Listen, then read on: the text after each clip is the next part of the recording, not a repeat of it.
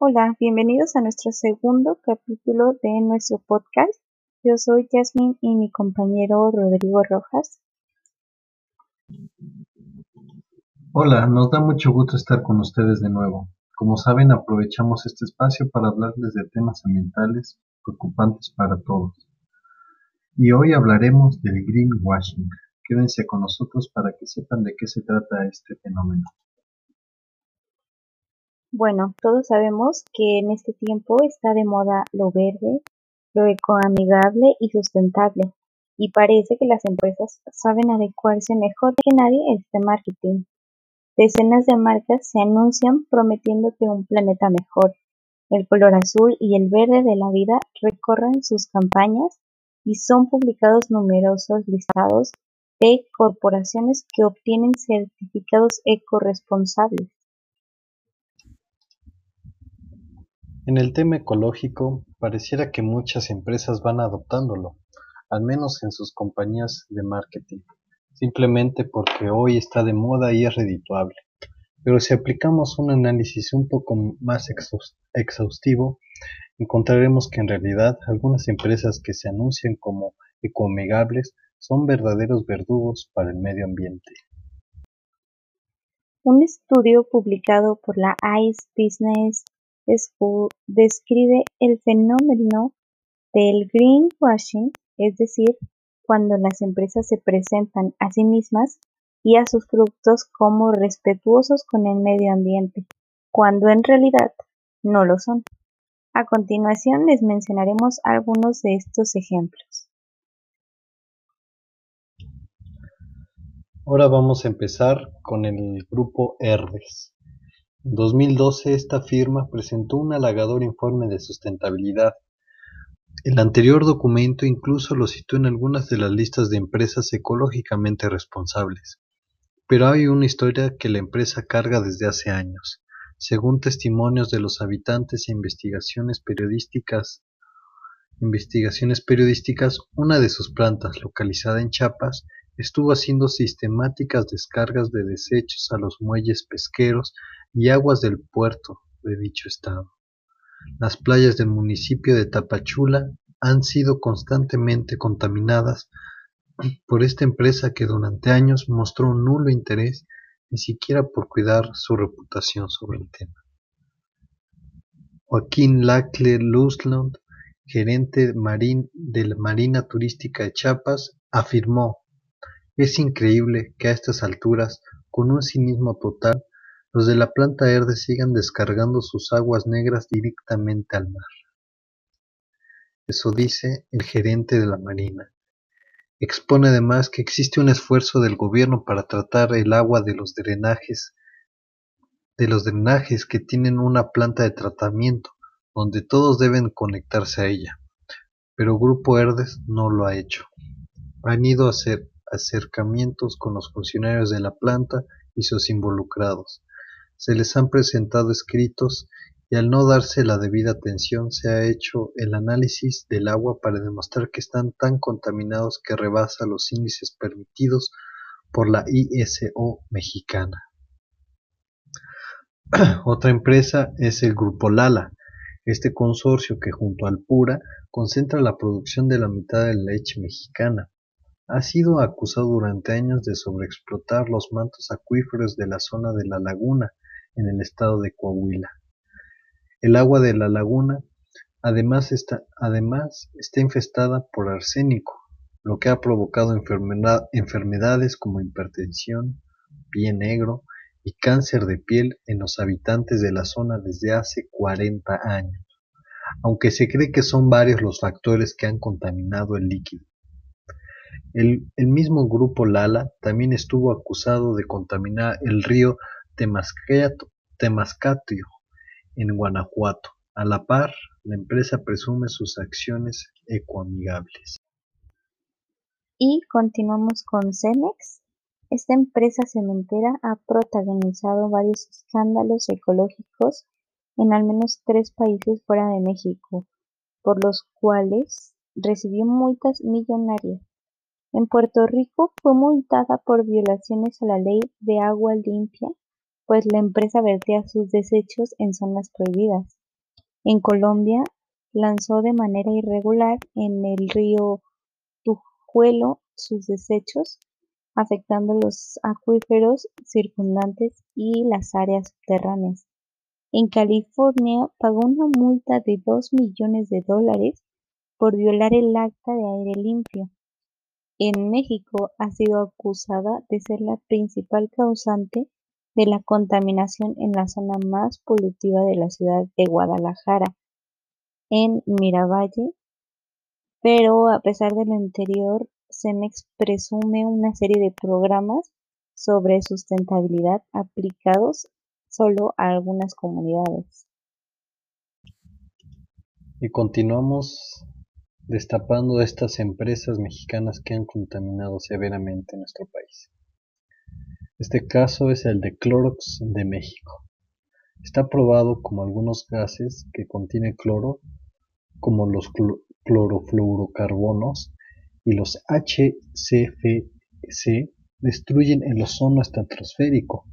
La organización Women's Voice of Earth también ha declarado que el cloroformo contenido en el Clorox puede causar cáncer.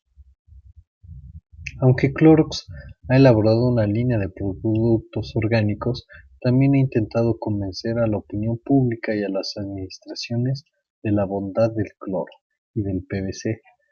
En realidad es una empresa que pese a sus publicados esfuerzos por publicitados esfuerzos por el medio ambiente, vende un producto que es enemigo al ambiente y ha buscado que esto se desconozca. Otra empresa que vamos a ver es Ciel, que es de grupo FEMSA, es decir, Coca-Cola. Si vives en este país seguro conoces la, la campaña Dale la Vuelta, protagonizado por el popular actriz sobre las botellas ecoamigables de Ciel que a su vez pertenecen a Coca-Cola. Coca-Cola FEMSA paga solo 2.600 pesos por cada una de las 46 concesiones de explotación de aguas subterráneas al año en México. Y tan solo en 2017 tuvo ganancias por 32.500 millones de pesos. Las reservas de los mantos acuíferos son explotados sin costo, según advierte Alejandro Calvillo, miembro de la ONG El Poder del Consumidor. Es decir, tienen cinco mil por ciento de ganancias por explotar los mantos freáticos que pertenecen a los mexicanos. En México diariamente son desechadas 21.3 millones de botellas PET. Este país es el mayor consumidor de agua embotellada del mundo. Ahora quiero hablarles de una empresa petrolera. En el año 2000, BP cambiaba la identidad corporativa, sustituyendo el clásico escudo con sus iniciales BP British Petroleum por un sol de color verde y amarillo, Beyond Petroleum, más allá del petróleo. El mensaje estaba lanzado, sin embargo el compromiso adquirido no fue respetado. La página de Beyond Petroleum comunica así la promesa de su marca, que es Helios es el dios griego del sol y representa la energía en todas sus formas. De todas las formas de energía, quizá la energía humana sea la más importante. Este es el combustible que alimenta nuestra marca. El 20 de abril del 2010, la plataforma que perforaba el pozo de petróleo Macondo, otorgado a Bellon Petroleum y cuya prospección subcontrató a la firma suiza Deepwater Horizon, explotó y se hundió, muriendo 11 personas y derramando 4.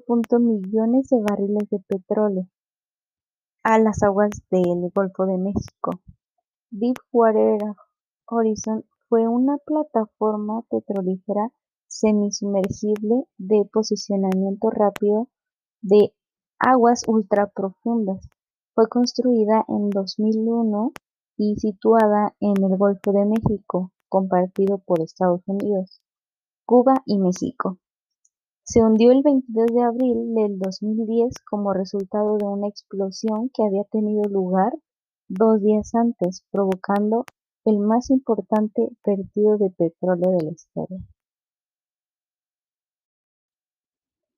El propósito de la torre Deepwater Horizon era perforar pozos petrolíferos en el subsuelo marino, trasladándose de un lugar a otro conforme se requiriera. Una vez que se terminara de perforar, la extracción era realizada por otro equipo. Deepwater Horizon era propiedad de Transocean y había sido arrendada a Beyond Petroleum hasta septiembre del 2013. En septiembre de del 2009 perforó el pozo petrolero más profundo de la historia. En 2002 la plataforma fue actualizada con E-Drill, un sistema de monitoreo de perforación con el que técnicos en Houston, Texas, recibían la información en tiempo real del proceso de perforación de la torre, así como información sobre mantenimiento e informes de errores.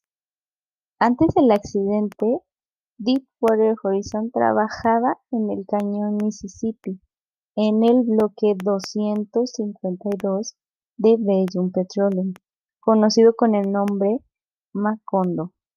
La torre se encontraba a 80 kilómetros de la costa suroeste de Luisiana. En octubre del 2009, Bellum Petroleum extendió el contrato por tres años más, los cuales se contarían a partir de septiembre del 2010. El fuego al interior de la Deepwater Horizon comenzó a las 9.56 pm del 20 de abril. Al momento se encontraban a bordo 126 tripulantes, 7 empleados de Bellum Petroleum, 79 de Transocean y otros empleados de otras compañías. Los empleados de Transocean reportaron que la iluminación eléctrica parpadeó, seguida de dos fuertes vibraciones. El radiooperador Jim Ingram declaró que sabían que algo estaba mal. Después de la explosión, el sobreviviente Adam Rose mencionó que se había acumulado una presión anormal dentro del elevador marino y a medida que subía se expandió rápidamente e hizo ignición. De acuerdo a una investigación interna de Bellon Petroleum, una burbuja de gas metano escapó del pozo y se disparó hacia la columna de perforación, expandiéndose rápidamente a medida que reventaba varios sellos y barreras antes de explotar. Rose mencionó que el evento fue básicamente una explosión incontrolada de petróleo crudo. Los sobrevivientes descubrieron el incidente como una explosión repentina que les dio menos de cinco minutos para escapar cuando se disparó la alarma. La explosión fue seguida por un incendio que envolvió la plataforma después de quemarse por más de un día. La Deepwater Horizon se hundió el 22 de abril. La Guardia Costera declaró el 22 de abril que recibieron informes del hundimiento aproximadamente a las 10:21 am.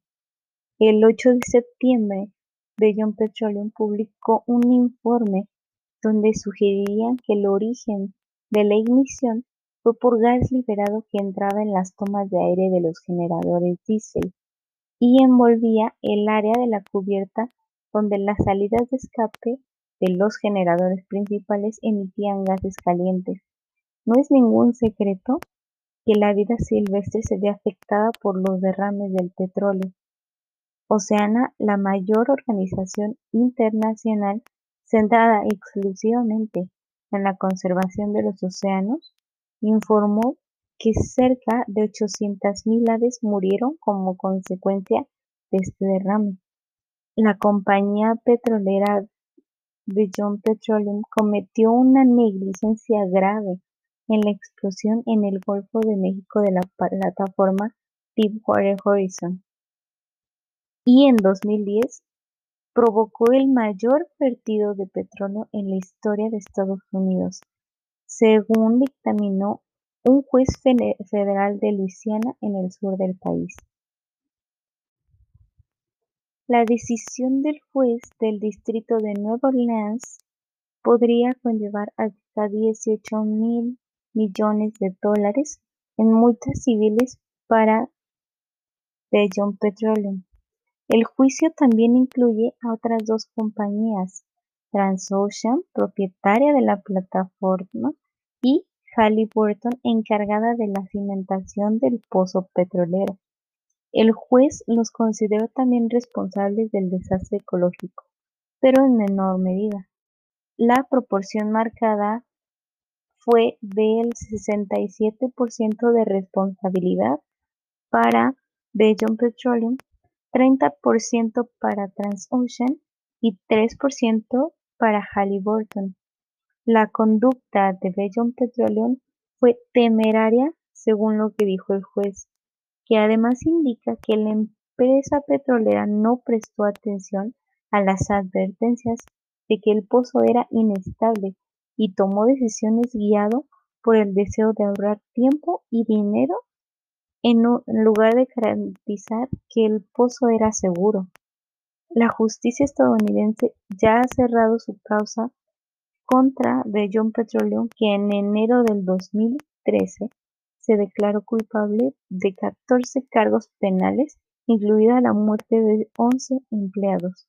Bellon Petroleum ha pagado en total 28 mil millones de dólares en gastos de limpieza y compensación a las víctimas. En base a este acontecimiento se realizó la película Deepwater Horizon, que se centra en el costo humano provocado por un desastre ecológico la película está inspirada en el testimonio del personaje Mark Wahlberg, Mike Williams, que fue la última persona en saltar de la plataforma en llamas.